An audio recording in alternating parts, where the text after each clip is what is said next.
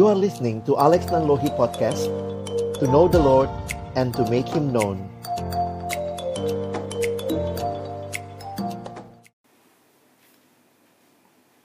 Mari kita berdoa. Bapak Surgawi, terima kasih kesempatan ini Tuhan berikan. Kami sama-sama akan belajar baik dari kebenaran firman-Mu, dari setiap wawasan dan juga diskusi di antara kami. Tuhan tolonglah kami semua agar pada akhirnya kami boleh menjadi bukan hanya pendengar firman yang setia, tapi mampukan dengan kuasa pertolongan dari rohmu yang kudus, boleh dimampukan menjadi pelaku-pelaku firman-Mu di dalam kehidupan kami. Bersabdalah ya Tuhan, kami anak-anak-Mu sedia mendengarnya dalam satu nama yang kudus, nama yang berkuasa, nama Tuhan kami Yesus Kristus. Kami menyerahkan pemberitaan firman-Mu. Amin. Shalom teman-teman, selamat sore. Saya bersyukur kepada Tuhan buat kesempatan boleh sharing firman Tuhan dengan teman-teman sekalian dan kita akan bicara lebih jauh tentang uh, single life ya. Dan ini bagian yang saya coba siapkan buat kita. Nanti ada uh, beberapa hal yang saya coba bagikan. Um, boleh tahu kita punya waktu berapa lama supaya nanti saya juga bisa berhenti supaya cukup waktunya buat tanya jawab. Silakan dari panitia mungkin. Baik, saya mungkin uh, ajak kita sharing sebentar. Wah, ini kalau banyak begini gimana sharingnya ya? Ada yang bertiga, berempat gitu ya satu ini, tapi nggak apa-apa.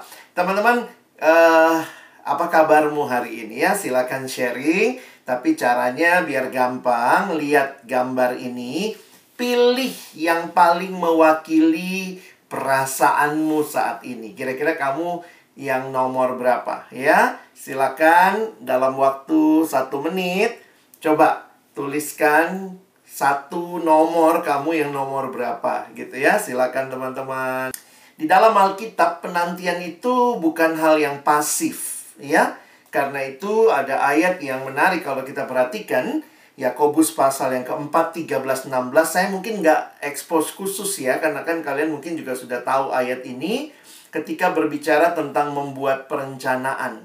Ya, kalau kita lihat bagaimana Alkitab mengingatkan dalam Yakobus pasal 4 ayat 13 sampai 16, jadi sekarang hai kamu yang berkata, hari ini atau besok kami berangkat ke kota Anu dan di sana kami akan tinggal setahun dan berdagang serta mendapat untung. Sedang kamu tidak tahu apa yang akan terjadi besok. Apakah arti hidupmu? Hidupmu sama seperti uap yang sebentar saja kelihatan lalu lenyap. Sebenarnya kamu harus berkata, "Jika Tuhan menghendakinya, kami akan hidup dan berbuat ini dan itu." Tetapi sekarang kamu memegahkan diri dalam congkakmu dan semua kemegahan yang demikian adalah salah. Teman-teman dalam menanti apa pun penantian kita begitu ya. Saya pikir tidak ada yang salah dengan membuat perencanaan. Saya pikir kita harus bisa melihat ayat-ayat ini dengan perspektif yang tepat. Tuhan tidak menantang, menentang manusia yang membuat perencanaan. Bahkan, kalau kita lihat dalam bagian-bagian lain Alkitab, Tuhan mau setiap kita punya perencanaan. Tetapi, bagaimana kita bisa menghayati perencanaan itu? Ya, Tuhan mau kita membuat perencanaan karena ya namanya hidup. Misalnya kalau lihat kitab Amsal ya, Amsal 24 ayat 6, karena hanya dengan perencanaan engkau dapat berperang dan kemenangan tergantung pada penasihat yang banyak. Saya sering pakai ayat ini begitu ya untuk tidak membuat keputusan hanya berdasarkan pertimbangan diri sendiri. Ya. Jadi perlu orang-orang yang juga kalian bisa tanya, bisa minta pendapat, begitu. Bahkan kita disuruh belajar dari hewan. Ada empat binatang yang terkecil di bumi, tetapi yang sangat cekatan. Dan perhatikan sebenarnya yang menarik dari semut, bangsa yang tidak kuat tetapi yang menyediakan makanannya di musim panas. Jadi ini bicara dia membuat perencanaan.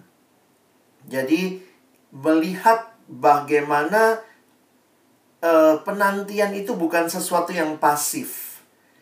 Jadi sebenarnya kalau balik lagi ke ayat tadi, apa sih yang sedang diingatkan dalam ayat Yakobus itu? Yang diingatkan bagi saya sebenarnya di saat kita merencanakan, kita ingat dua prinsip penting ini. Ya, prinsip yang pertama ingat baik-baik tentang pandangan kita tentang masa depan. Teman-teman penantian itu karena kita berharap sesuatu yang akan terjadi di masa depan ya. What should we remember about the future? Ayatnya jelas sekali mengingatkan. Pasal 4 ayat 14. Kamu tidak tahu apa yang akan terjadi besok.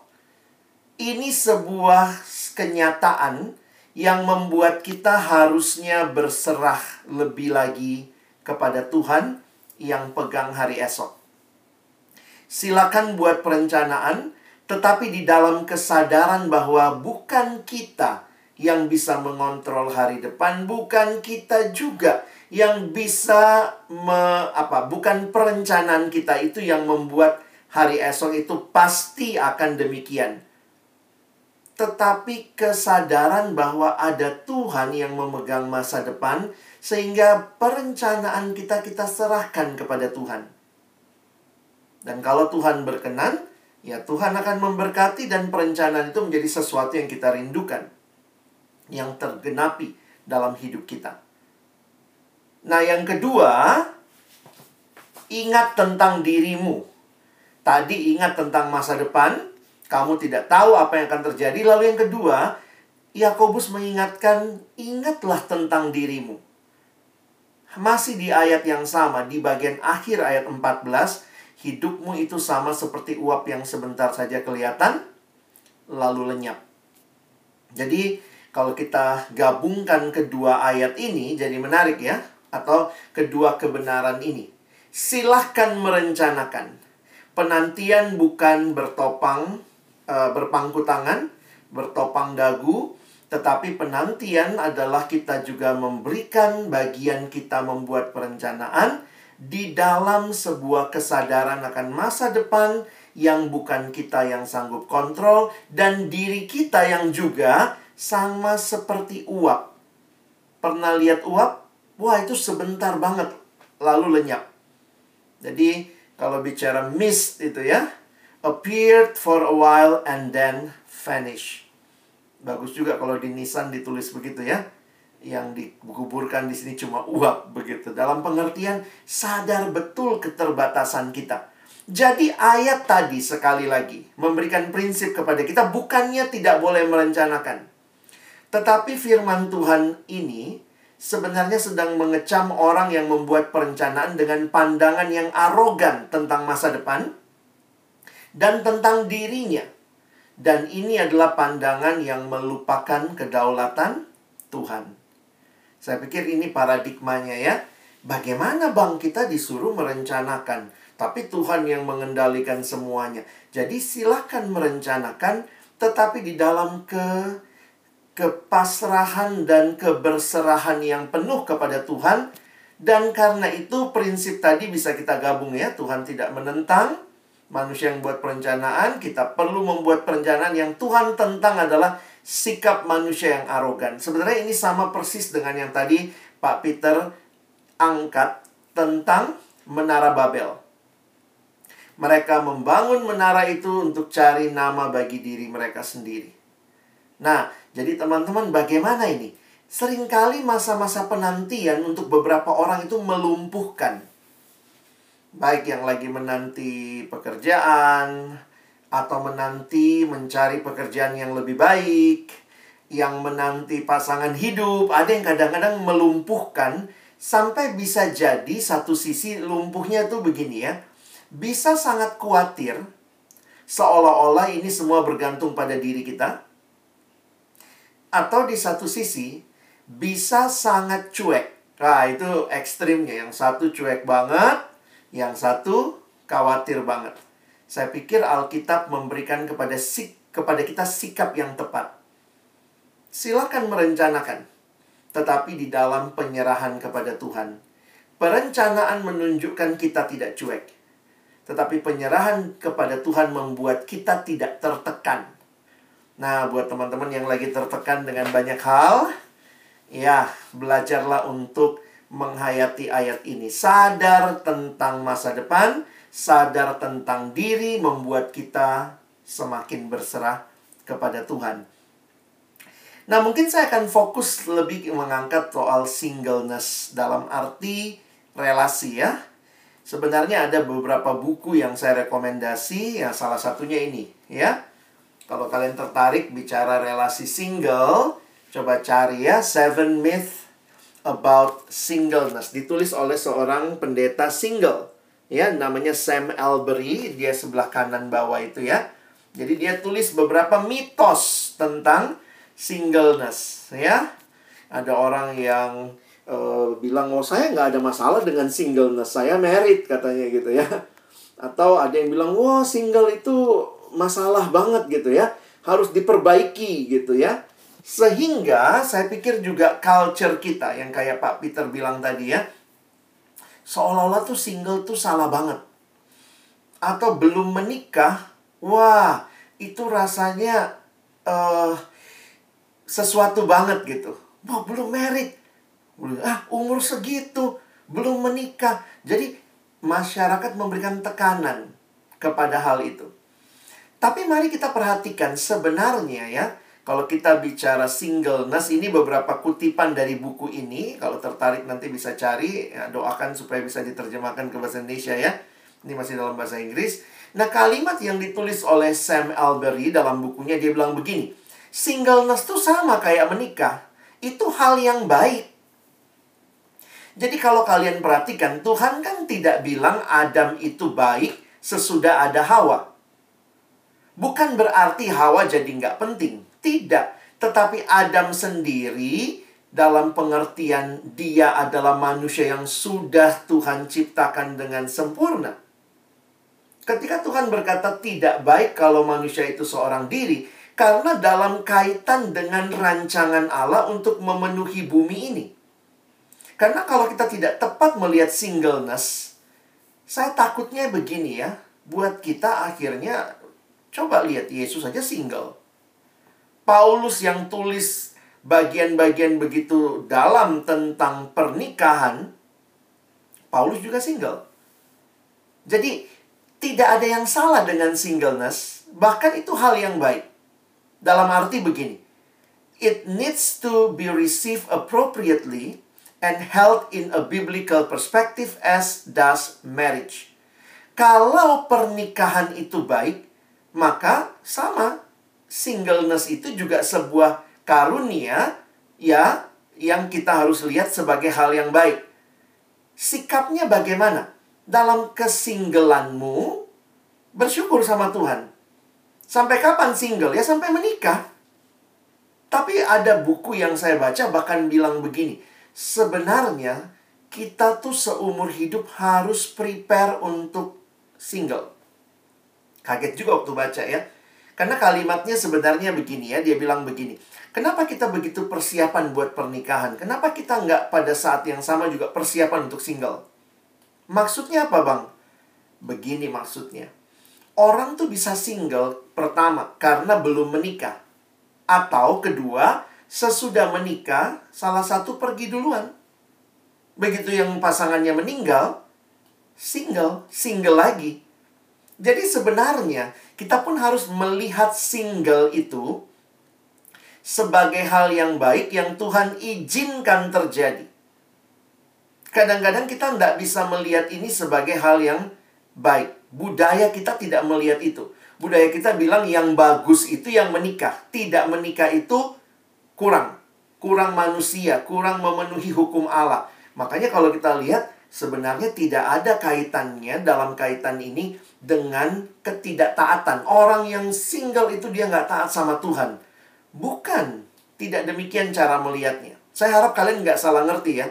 Dan jangan gara-gara ini kalian bilang, ya udahlah kata Bang Alex begitu kami nggak usah menikah. Wah, tapi poin saya begini.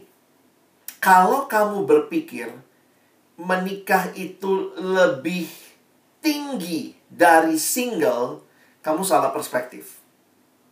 Alkitab tidak menempatkannya begitu. Dan jangan lupa, Yesus kita single.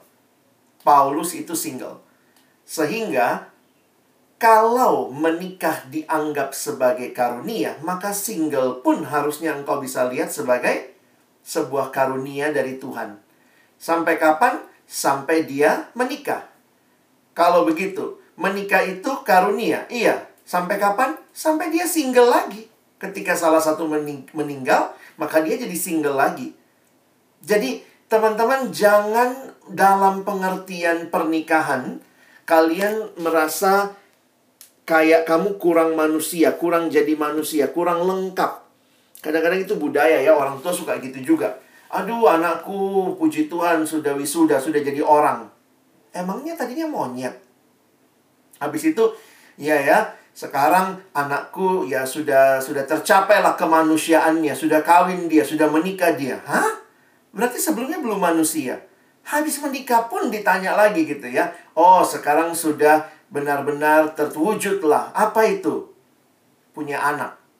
Kalau punya anak juga nanti tanya lagi. Jadi akhirnya masyarakat ini banyak sekali memberikan label, ya. Nah, ini kalimatnya juga ya. Kalau kita salah mengerti pernikahan atau salah mengerti uh, tidak memahami singleness sebagai sebuah karunia, it is not because God has not understood us, bukan karena Tuhan nggak ngerti kita, tapi berarti karena kita tidak mengerti dia. Oh, jadi buku ini memang unik sekali ya, memberikan banyak wawasannya. Sam Alberry ini menulis beberapa buku dan terkait juga dengan uh, seks. Ini buku terakhir yang dia tulis. Baru terbit uh, beberapa bulan lalu. Why does God care who I sleep with? Jadi dia mau mengingatkan bahwa seksualitas itu juga bagian yang Tuhan peduli. Ya. Nah, saya mau masuk lebih jauh, bagi kita menghayatinya bagaimana? Sederhana begini, kalau kamu belum diizinkan menikah, berarti kamu harus menikmati kesinggelanmu. Dan kalau kamu sudah menikah, nikmatilah pernikahanmu. Itu karunia, single dan menikah itu karunia Tuhan. Jangan bilang single itu kutukan Tuhan, yang menikah itu yang karunia. Enggak, dua-duanya karunia. Karena itu, sebagaimana prinsip karunia, kesempatan. Pakailah untuk kemuliaan Tuhan. Memang realitanya manusia makhluk yang diciptakan Tuhan dengan kemampuan berelasi, termasuk relasi antara laki-laki dan perempuan. Nah, bagaimana dengan relasi percintaan? Alkitab sendiri juga bilang nggak ada teorinya teman-teman ya. Karena kadang-kadang kita kayak nggak masuk akal gitu ya namanya kalau percintaan ih gila suaminya cakep banget istrinya jelek gitu gitu ya. Itu nggak ada teorinya cantik sama cantik cakep sama cakep gitu ya. Sama tinggi atau mungkin sama bobot badannya atau sama strata sosial ekonominya. Tidak seperti itu. Relasi itu sangat-sangat unik. Amsal sendiri berkata ada tiga hal yang mengherankan aku bahkan ada empat hal yang tidak ku mengerti pertama jalan Raja Wali di udara. Kedua, jalan ular di atas cadas. Ketiga, jalan kapal di tengah-tengah laut. Dan jalan seorang laki-laki dengan seorang gadis. Ada ayatnya ya. Dalam terjemahan bahasa Indonesia sehari-hari. Nah ini. Ada empat hal yang terlalu sukar bagiku untuk dimengerti. Burung Raja Wali yang terbang di udara.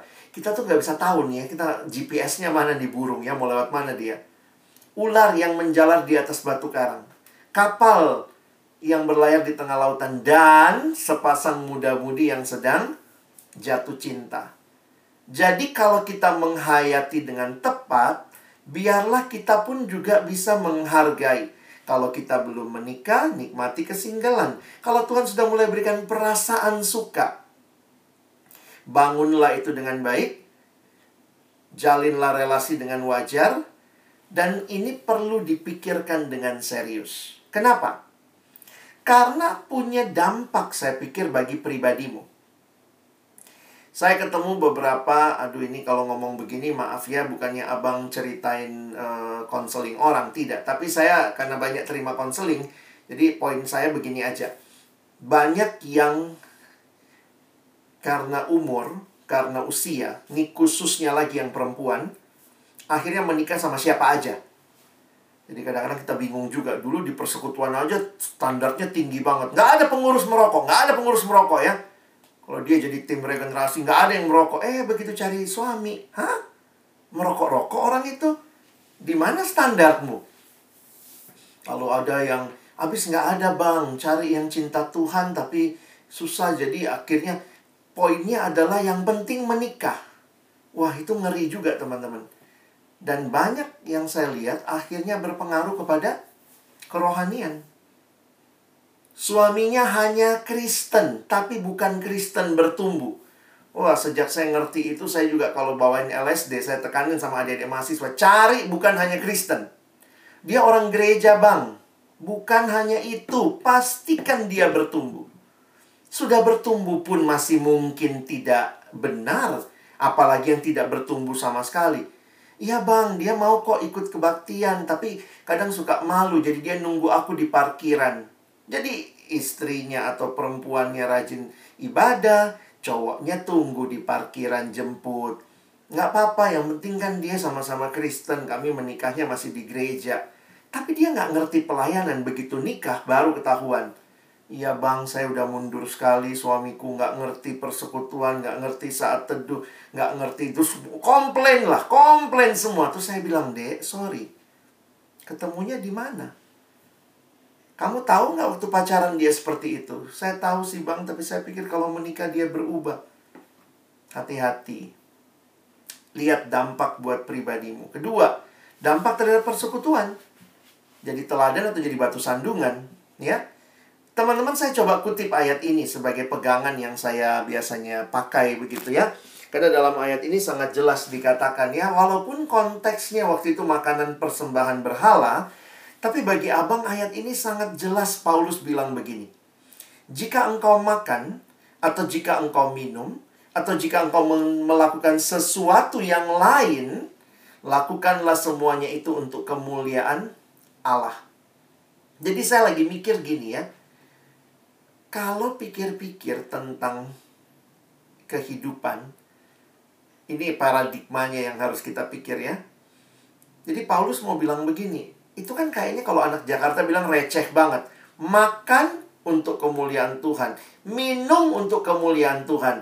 Maka masa masa pacaran untuk kesenangan diri? Saya pikir sih nggak begitu ya. Kalau makan saja untuk kemuliaan Tuhan, minum saja untuk kemuliaan Tuhan, maka pikirkan waktu membangun relasi beberapa orang jatuh dalam jadi relasi ini unik sebenarnya ya. Tuhan memberikan kita tuh uh, kita manusia yang punya perasaan. Dan dalam perasaan itu juga salah satu yang mungkin kamu alami, saya nggak tahu ya, gambar-gambar di awal tadi abang nggak ada maksud apa-apa sih. Tapi mungkin untuk beberapa orang sedang merasa kesepian. Dan ketika muncul relasi-relasi yang dinikmati, saya ketemulah beberapa alumni yang tiba-tiba bilang, "Iya, Bang. Saya soalnya jauh dari persekutuan. Namanya kerja di agak masuk pedalaman, susah dapat persetujuan alumni.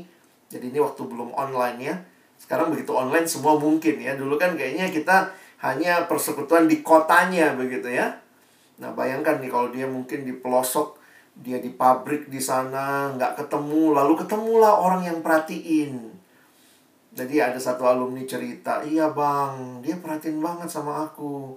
Kami deket lah, apalagi kan kita sama-sama gitu ya, sekantor, ngobrolnya nyambung gitu. Saya bilang, ya bagus dong. Ya begitulah bang, tapi, nah tapi apa? Saya pikir ya kalau udah nyambung segala macam anak Tuhan ya udah dong. Jalin relasi, pastikan dia kenal Tuhan, dia mau bertumbuh. Iya bang, tapi dia suami orang. Hah? Kenapa didiskusikan ya? Karena anak ini sudah dapat feel-nya. Aku dapat perasaannya, aku lagi kesepian bang dan dia yang masuk, dia yang perhatiin aku. Saya bilang, jadi kamu tidak lagi melihat dia ini suami orang atau tidak. Harusnya kan begitu ini suami orang, set, no. Tapi dia melihatnya yang penting perasaannya dapat. Wah ini ngeri. Jadi kayaknya makan untuk kemuliaan Tuhan, minum untuk kemuliaan Tuhan, pelayanan untuk kemuliaan Tuhan. Tapi relasi untuk kesenangan diriku. Walaupun saya tahu itu nggak nyaman, nggak boleh. Tapi kalau saya nyaman, saya dapat sesuatu dari relasi itu. No problem lah. Jadi yang kedua pun nggak apa-apa. Yang penting saya bisa dapat yang ada yang perhatiin, tanya sudah makan atau belum. Itu suami orang. Nangkep ya?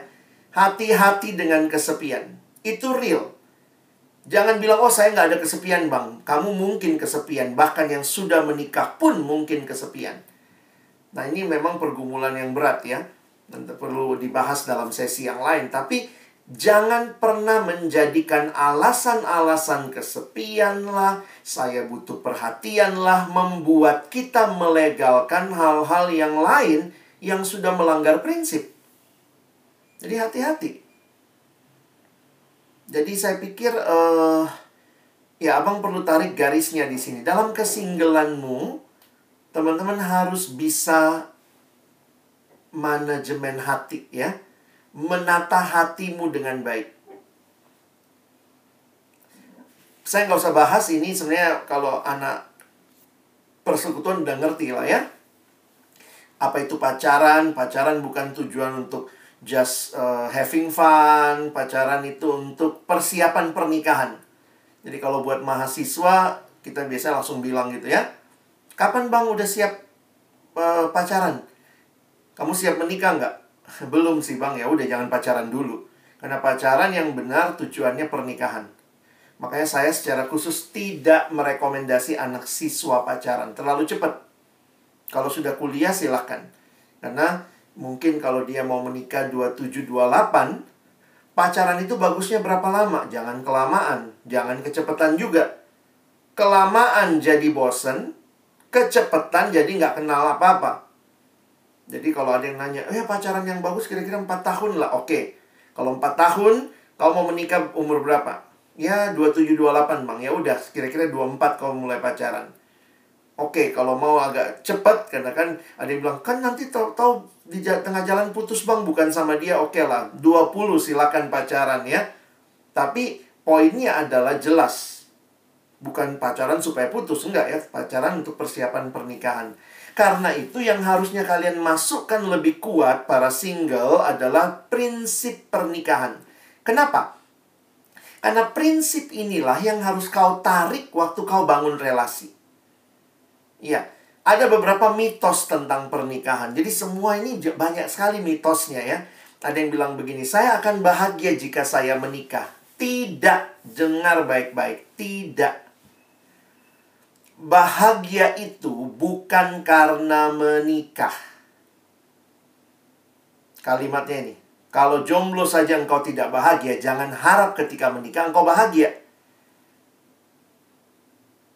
Kamu dan saya bahagia hanya kalau kita terima Yesus di hidup kita. Jomblo bisa bahagia? Bisa. Kalau dia punya Yesus. Sementara, Menikah bisa jadi nggak bahagia karena tidak ada Yesus di dalam pernikahan. Jadi, teman-teman ingat baik-baik ya. Saya waktu mau menikah, terus ketemu seorang abang yang bilang begitu sama saya ya. Ketemunya di lapangan parkir lagi. Dia bilang, Alex, kau udah siap menikah? Iya bang, udah siap nih, undangan udah nyebar. Dia bilang, Alex, saya mau kasih uh, nasihat pernikahan. Apa bang? Ingat ya Alex, menikah bukan untuk bahagia. Ya ampun bang, udah udah sebar undangan bang. Dia bilang enggak, bahagia itu dalam Kristus. Kalau kamu dalam Kristus, istrimu di dalam Kristus, kalian akan menikmati kebahagiaan karena ada Kristus. Oke. Jadi, teman-teman, kalau menikah itu bikin bahagia, saya suruh tuh anak TK menikah. Menikah kau biar bahagia kan? Tapi bukan bahagia bukan karena pernikahan. Bahagia karena percaya Tuhan Yesus. Karena itu sejak TK kita beritakan Yesus. Terima Yesus dalam hidupmu. Ya. Jadi jangan dibalik-balik prinsip. Ini paradigma soalnya ya. Pasangan hidup bukan untuk membahagiakan kita. Bukan untuk melengkapi kita. Karena hanya Tuhan yang bisa membahagiakan kita. Kalau kau sudah menikah, kau ngerti maksud ini. Kalimat ini ya. Walaupun kita menikah, jangan lupa kita cuma manusia berdosa. Nah, ini mitos lain cari pasangan hidup yang cocok. Saya kenapa angkat ini? Karena banyak juga yang waktu konseling gitu ya. Ya bang, saya kok ngelihat uh, pacarku ini nggak cocok ya sama aku ya. Ya teman-teman gimana ya? Mau cari yang cocok itu nggak ada yang cocok. Cari pasangan hidup yang cocok itu mitos gitu ya. Dalam arti, kalaupun kita bilang cocok, cocok apanya dulu? John Stott mengatakan kalimat yang bagi saya menarik sekali. Dia bilang begini, kita pikir kalau dapat pasangan yang cocok, maka kita akan bahagia. Satu-satunya kecocokan kita adalah sama-sama manusia berdosa. Itu aja kecocokan kita. Makanya sebenarnya dalam pernikahan ada sebuah perjuangan perubahan dalam Kristus. Karena itu Yesus sangat penting dalam pernikahan. Pernikahan diambil dari ayat ini. Laki-laki meninggalkan ayah ibunya, bersatu dengan istrinya sehingga keduanya menjadi satu daging, keduanya telanjang manusia dan istrinya itu tapi mereka tidak merasa malu. Sehingga dari ayat ini beberapa prinsip penting yang bisa kita pahami. Pertama, Allah yang ciptakan laki-laki dan perempuan menjadi penolong yang sepadan. Sepadan jangan diartikan macam-macam. Dalam konteks Alkitab, kalau kalian PA dengan baik kejadian 2, 18 sampai 25, sepadan yang dimaksud itu cuma satu. Manusia. Karena apa? Allah ciptakan hewan. Adam disuruh kasih nama semua. Lalu Alkitab bilang, Adam tidak menolong, menemukan penolong baginya yang sepadan dengan dia. Berarti sepadan itu apa? Kalau kau tafsirkan sepadan, banyak manusia modern masukkan arti. Sepadan itu harus satu suku, sepadan itu harus sama-sama setingkat sosial ekonominya, sepadan itu harus yang laki-laki jangan terlalu jauh lebih muda, laki-laki harusnya lebih tua dari yang perempuan. Saya melihat itu pertimbangan-pertimbangan bukan alkitabiah, itu dari sisi psikologis. Bisa kita dengarkan bisa juga psikologis, sosiologis, tradisi. Tapi Alkitab waktu bicara sepadan, jelas laki-laki, perempuan sama-sama manusia. Ya. Lalu, pernikahan inisiatif Allah, Allah yang bawa Hawa kepada Adam, berarti Allah yang berinisiatif, tetapi di sisi lain juga kita harus lihat, Allah yang memberikan hubungan seksual, hubungan suami istri, itu hanya dinikmati dalam relasi suami istri dalam konteks pernikahan. Sehingga dari ayat ini saja kekristenan kita langsung menolak hal-hal ini. No premarital sex, hubungan seks sebelum nikah, tidak. Extramarital sex, tidak. Sudah menikah, ah masa dia terus istriku, ah malas, ah mau main-main sama yang lain. Nggak ada extramarital sex. Dan juga kita menolak akan homoseks dan seterusnya. Nah mungkin saya harus tutup supaya ada waktu diskusi. Uh, abang masuk saya lompat ke slide saya yang selanjutnya ya. Saya lewatin ini semua kita tidak bahas. Nah yang terakhir. Bagaimana kalau gitu untuk memilih teman hidup? Aspek-aspek yang perlu dipertimbangkan. Perhatikan begini teman-teman sering kali kita berpikir hanya satu aspek kalau kalian perhatikan, ini bukan hanya satu aspek. Tapi ini ada berbagai aspek yang harus kita perhatikan.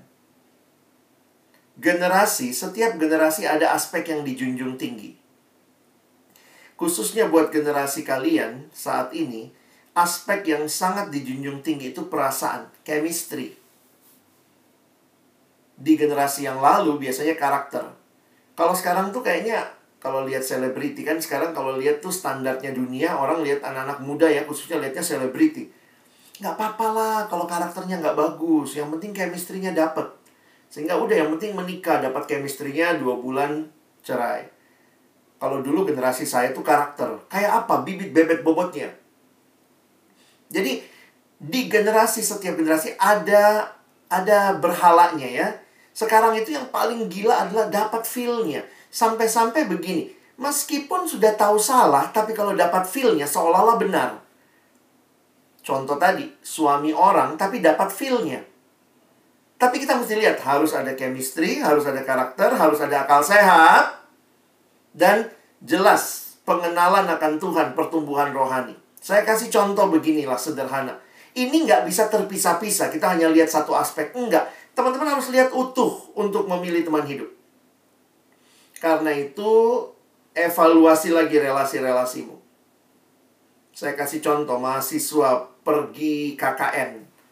KKN satu bulan bersama di desa terpencil nggak ada apa nggak ada orang desa biasa-biasa aja wah biasanya banyak yang cinlok tuh di tempat KKN kenapa karena bicara chemistry sementara chemistry dijelaskan bisa dapat dari appearance. Chemistry itu bisa dapat dari seringnya ketemu. Jadi ada anak datang sama saya bang gue dapat banget chemistry-nya sama dia dan dia juga karakternya baik banget bang. Luar biasa bang. Saya bilang ya udah jalan aja bang. Ya bang masalahnya nomor empat. Kenapa? Dia bukan orang Kristen. Jangan berpikir kalau dapat chemistry-nya pasti kehendak Tuhan. No. Lihat contoh-contoh ini. Beberapa kali dalam pelayanan saya sadarkan kepada yang bertanya, kalau kamu cuma lihat chemistry, lihat karakter, tapi saya rasa banget bang, saya dapat banget feel-nya, tapi itu bukan anak Tuhan, stop. Dan waktu dibilang begitu biasanya banyak yang tapi sudah deket bang, sudah dalam bang, sudah sudah susah pisahnya. Saya bilang cuma dua kemungkinan, mau sakit sekarang atau sakitnya nanti. Jadi, teman-teman, jangan hanya membangun relasi, kedekatan, mengisi kesepianmu hanya karena dapat chemistry-nya, orangnya baik, secara akal sehat juga masuk akal. Bagi saya harus ingat yang nomor empat. Betulkah dia anak Tuhan dan bertumbuh? Tapi di sisi lain, abang juga ketemu ya, ini contoh terakhir. Kadang-kadang ada yang over spiritualize. Nomor empatnya kuat banget. Maksudnya apa bang?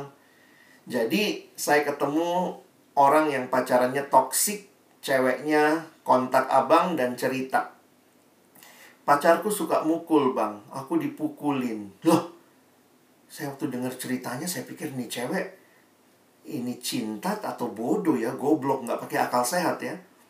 Dia pernah sekali ditendang dari motor, jatuh, lalu kemudian dia juga pernah ditinju. Pacarnya tuh kalau marah tuh selain fisik yang dia lebih sakit hati tuh verbal. Kata-katain, saya ditunjukkan WA-nya itu ya itu kalimat saya bilang kamu pacarnya atau ini kayak kayak kebun binatang yang maki-maki begitu ya. Jadi dalam nasihat abang sama dia, akhirnya saya bilang begini, Dek, ini keputusanmu. Tapi kalau saya sebagai orang yang orang luar ya, kamu minta pertimbangan. Kalau abang, saya pikir kamu harus mempertimbangkan serius untuk mengakhiri hubungan dengan dia. Oh gitu ya bang? Kenapa? Saya bilang, ini udah gak sehat. Tahu jawabannya apa? Sebenarnya dari dulu saya mau begitu bang, cuma saya takut sama Tuhan. Kenapa? Dia kan jawaban doa bang. Waktu itu kami berdoa di awal. Saya bilang, nah ini kesalahanmu. Kamu pikir hanya doa di awal, kamu tidak berdoa sambil menjalani relasi. Selama masih pacaran, masih boleh putus. Jadi jangan pakai alasan, iya bang, karena dia ini kan jawaban doa. Saya takut kalau saya putuskan dia nanti Tuhan marah karena kan dulu saya minta saya sampai puasa, Bang. Goblok. Saya bilang kamu goblok. Kamu pakai alasan rohani untuk meniadakan akal sehatmu. Jadi saya pikir jangan satu sisi diangkat terlalu tinggi, tapi karena itu butuh juga kalian punya komunitas yang menolong kalian dan bisa membangun kalian. Ya, dan saya pikir itu yang Abang bisa sampaikan sebagai uh, platform untuk kita Eh, bisa melihat lah ya gimana relasi ke depan. Mungkin itu dari saya. Silakan kalau masih ada waktu boleh tanya jawab ya. Terima kasih Bang untuk pemaparan materinya ya. Kepada abang kakak teman-teman sekalian ada yang ingin bertanya atau mau sharing, uh, boleh uh, bisa open mic langsung.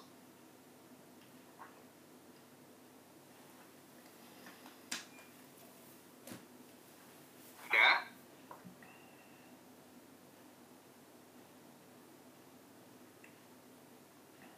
abang kakak teman-teman sekalian malu-malu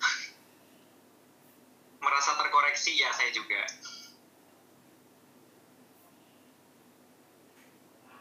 apakah ada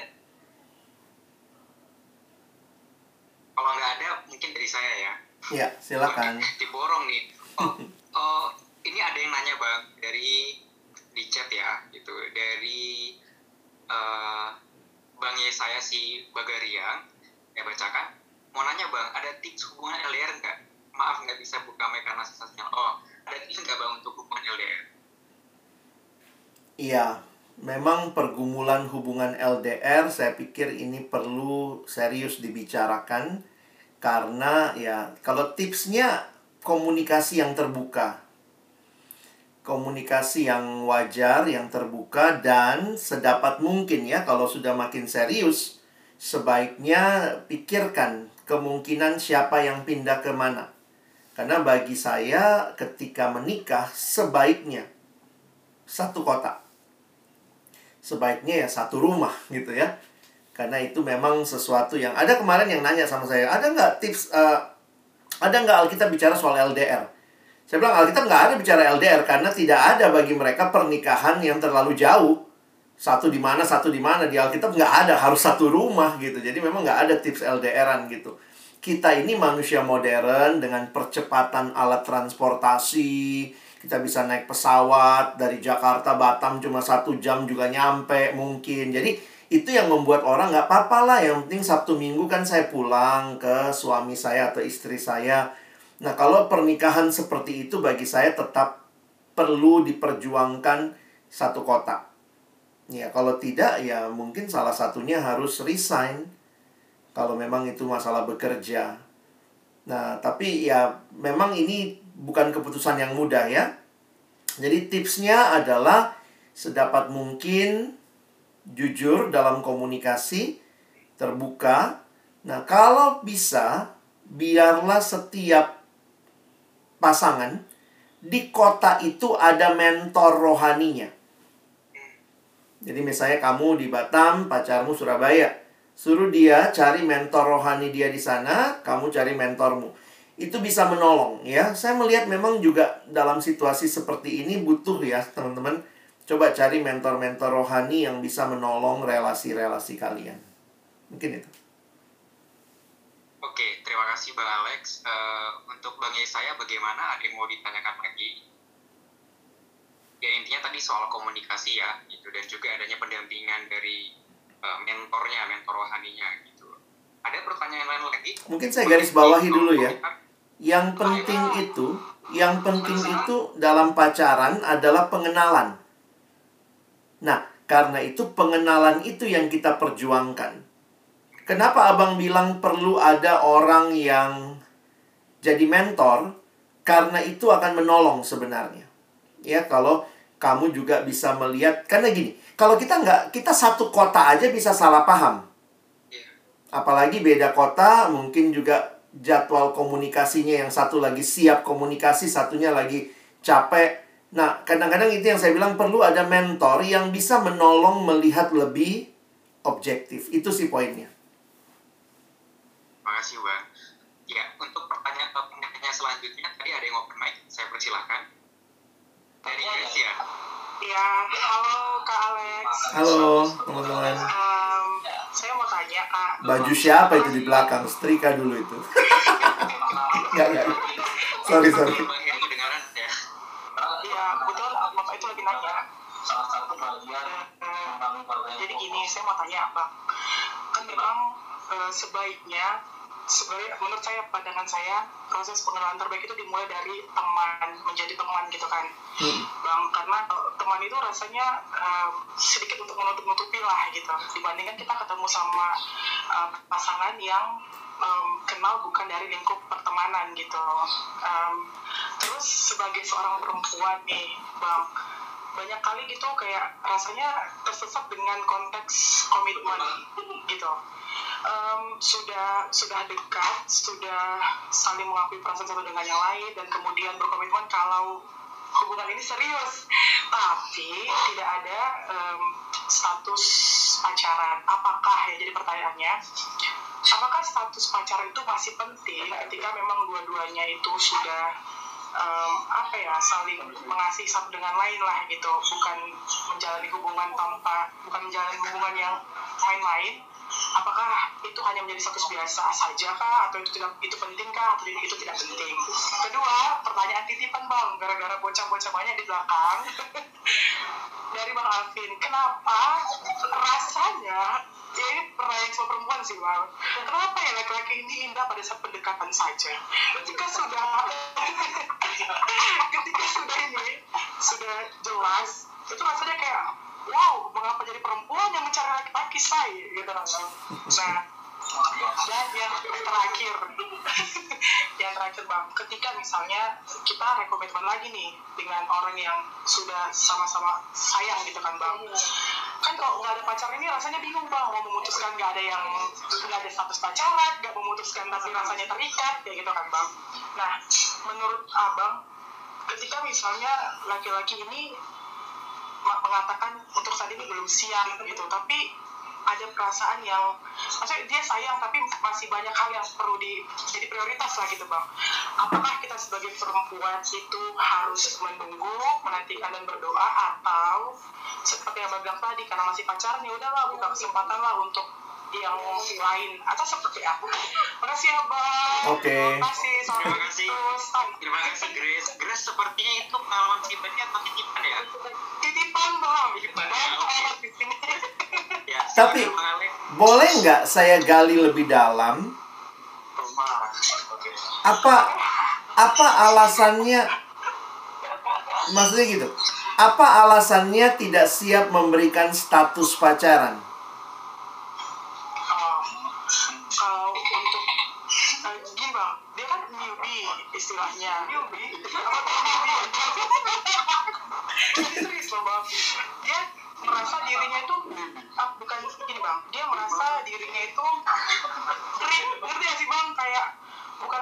Laki-laki yang bisa memulai hubungan yang manis kayak gitu. Tapi bang, Hmm. jadi dia dia tuh kayak punya ketakutan ketakutan tersendiri kayak em, misalnya nanti kalau udah jadi berhubungan terus dia nggak tahu nih dia harus apa gitu gitu bang gara-gara belum pernah memiliki em, belum pernah berhubungan berrelasi ya sebelumnya kayak gitu Hmm. Jadi rasanya belum siap lah untuk saat ini gitu masih kayaknya lebih baik kita berteman mengenal meskipun kita eh gitu lah bang Oke, thank you. ya bang sama-sama Mm-mm. Saya saya pribadi melihat ya, ini konteks yang saya lihat dan juga saya garis bawahi dalam konteks sekarang. Generasi yang katanya takut komitmen, tetapi sebenarnya generasi yang lebih saling menyakiti. Jujur aja, saya punya prinsipnya gini ya, eh,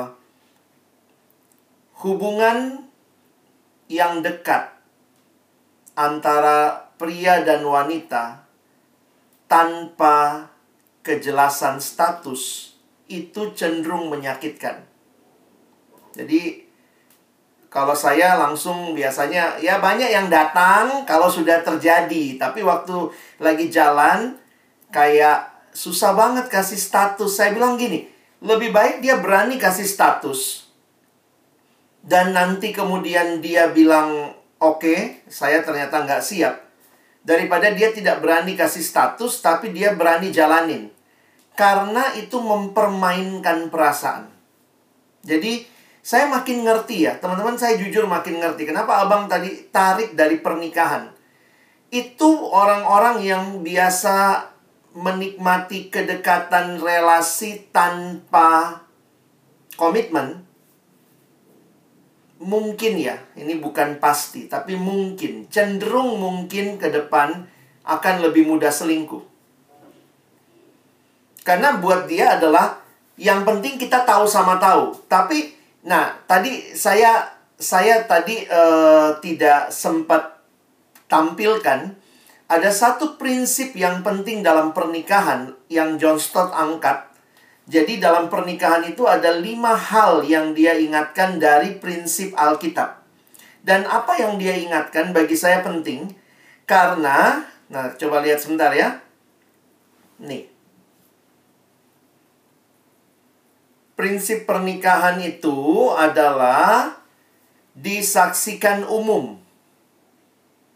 Makanya kekristenan menolak kumpul kebo, yang penting kan dia tahu perasaan saya, kita pokoknya sama-sama sayang, tapi maaf. Nah, itu gampang sekali buka untuk uh, jadi kalau kalian membiasakan. Nah, ini saya lihat gini. Generasi ini lagi butuh karena kesepian tadi lagi butuh perasaannya yang dampingin tapi bukan siapa-siapa. Nah, itu buat saya uh, karena saya udah lihat beberapa kasus Ah, itu sangat-sangat menyakitkan. Dan kalau saya boleh bilang ya bodoh sendiri. Karena dari awal kamu tidak melihat itu bagian yang harus dijela harus diangkat gitu. Mesti jelas. Um, ada yang begini. Kita bukan pacar. Tapi kalau lu lagi nggak punya pacar, gue nggak punya pacar, kita lah bersama yang saling merhatiin. Jadi lucu juga tuh, banyak sekali membangun hubungan-hubungan tanpa kejelasan. Nah, di dalam persekutuan sendiri, nah ini kalau ditanya yang pertanyaan berikutnya ya, yang saya kadang melihat juga, kita pun jadi ikut berpola begitu kayak dunia, yang kadang-kadang saya pikir ngeri juga ya. Kalau ada yang dekatin kamu, ini yang perempuan ya, kalau ada laki-laki yang dekatin kamu, sebaiknya tanya apa tujuannya, karena itu bagi saya lebih baik daripada menebak-nebak, menerka-nerka. Jadi saya ingat kalimat istri saya, dia suka bilang gini, Buat perempuan, jangan pernah terbang. Jangan pernah kau rasa dirimu terbang sebelum cowok itu berani bilang, ya, kita pacaran. Karena banyak sekali cowok persekutuan juga agak-agak chicken gitu ya. Nggak mau kasih status, tapi mau deketnya. Antar tiap hari, pulang persekutuan diantar, deket, kasih perhatian. Ini teman rasa pacar. Jadi bagi saya, hati-hatilah itu membuat kita mempermainkan perasaan. Ya mungkin itu dulu kali ya, saya bingung juga karena nggak tahu, mungkin kalian belum tentu semuanya setuju karena drama Korea kita kan semua sekarang kayaknya saya lihat saya nonton drama Korea ngeliat tuh ada tingkatan-tingkatan yang saya cuma suka. Suka ya, ay cuayo, cuayo apa gitu ya. Pokoknya yang penting suka. Tapi itu belum sarange jadi kayaknya nggak apa-apa, suka itu tapi deket gitu, ke mana-mana bareng gitu ya. Cueo, cueo gitu ya. Tapi buat saya hati-hati itu. Nilai-nilai itu masuk sehingga kita sangat rendah menempatkan komitmen.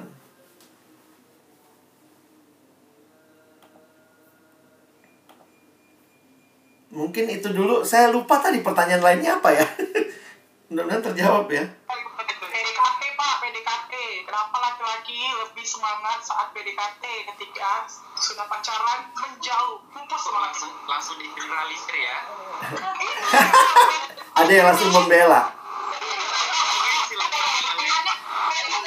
Memang begini, kita mesti sadar ya teman-teman ya. Yang namanya relasi itu, nah makanya saya selalu kutip kalimatnya pendeta Erik Sudarma.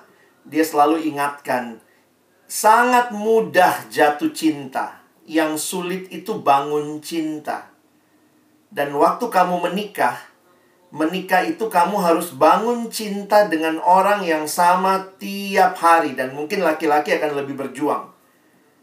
Jadi kan kita nggak bisa dong udah menikah, yang penting kan dia udah kita dapat. Nah laki-laki ini punya sifat penakluk. Jadi kalau dia mau dapat itu dia kejar, begitu dia sudah dapat kayak udah habis adrenalinnya. Ah udah udah dapat cewek cantik itu udah punya aku. Nah, itu yang kita mesti belajar saling menghargai, melihat bahwa relasi itu perlu diperjuangkan. Belajar untuk menyatakan cinta terus-menerus kepada yang kita kasihi, itu perjuangan lah buat beberapa laki-laki. Saya juga bukan tipe yang romantis, istri saya suka suka komplain begitu ya. Tapi ya saya belajar, belajar untuk menyatakan, belajar untuk menghargai dan itu uh, ya mari mari berjuang. Jadi jangan bilang gini, kalau laki-laki di luar sana banyak yang seperti itu, harusnya kita jangan begitu. Ya, teman-teman yang di persekutuan, cobalah jadi laki-laki yang terus memperjuangkan jatuh cinta tiap hari dengan orang yang sama tuh menarik lah. Nah, saya tadi garis bawahi soal temen ya. Kalau misalnya cari pacar dari mana, kan dari temen, enaknya memang temen ya. Nah, tapi jangan lupa, pernikahan, salah satu definisi pernikahan yang saya suka, pernikahan adalah persahabatan seumur hidup. Jadi karena itulah saya juga melihat begini, tidak selamanya mesti sudah sahabatan. Ada juga saya tetap percaya orang yang ketemu jatuh cinta, nggak kenal di camp, satu dari Jawa, satu dari dari Sumatera, tapi di camp ketemu, lalu kemudian surat-suratan zaman saya, akhirnya menikah. Dan Apakah kita akan ber, berpasangan hanya dengan orang yang sudah jadi teman? Enggak juga. Karena bahkan sesudah menikah pun, persahabatan seumur hidup itu bagian dari pernikahan. Mungkin itu. Oke, uh, terima kasih uh, Bang Alek dan uh, seluruh penanya. Ini sebenarnya ada beberapa pertanyaan ya, ada yang private juga. Tapi memang uh, waktu cukup terbatas. Uh, saya pikir tadi pertanyaan-pertanyaan Grace ada tiga tadi diborong cukup mewakili yang relate dengan keadaan kita sekarang ya, gitu yang terjadi sekarang. Oke, karena keterbatasan waktu, uh, kita batasin ya teman-teman ya, abang kakak sekalian. Terima kasih untuk pertanyaannya. Uh, dari Bang Alek, mungkin ada kata penutup Hmm. Mari pegang prinsip-prinsip Kristen yang baik ya. Uh, jadi perdalamlah pernikahan karena pacaran itu persiapan pernikahan. Sehingga apa yang tidak jelas dalam pacaran, saya takut itu jadi benih-benih yang juga merusak pernikahan sendiri. Jadi saya harap uh, mari tempatkan perasaan karena kalian generasi perasaan, tempatkan perasaan dengan tepat tetap harus ditempatkan dalam kerangka yang benar sehingga tidak membuat kita jadi bermain-main atau mempermainkan perasaan orang. Nah, jadi saya berharap uh, kita bisa serius ya melihat relasi ini juga dalam pimpinan Tuhan. Thank you. Oke, terima kasih Bang. Uh,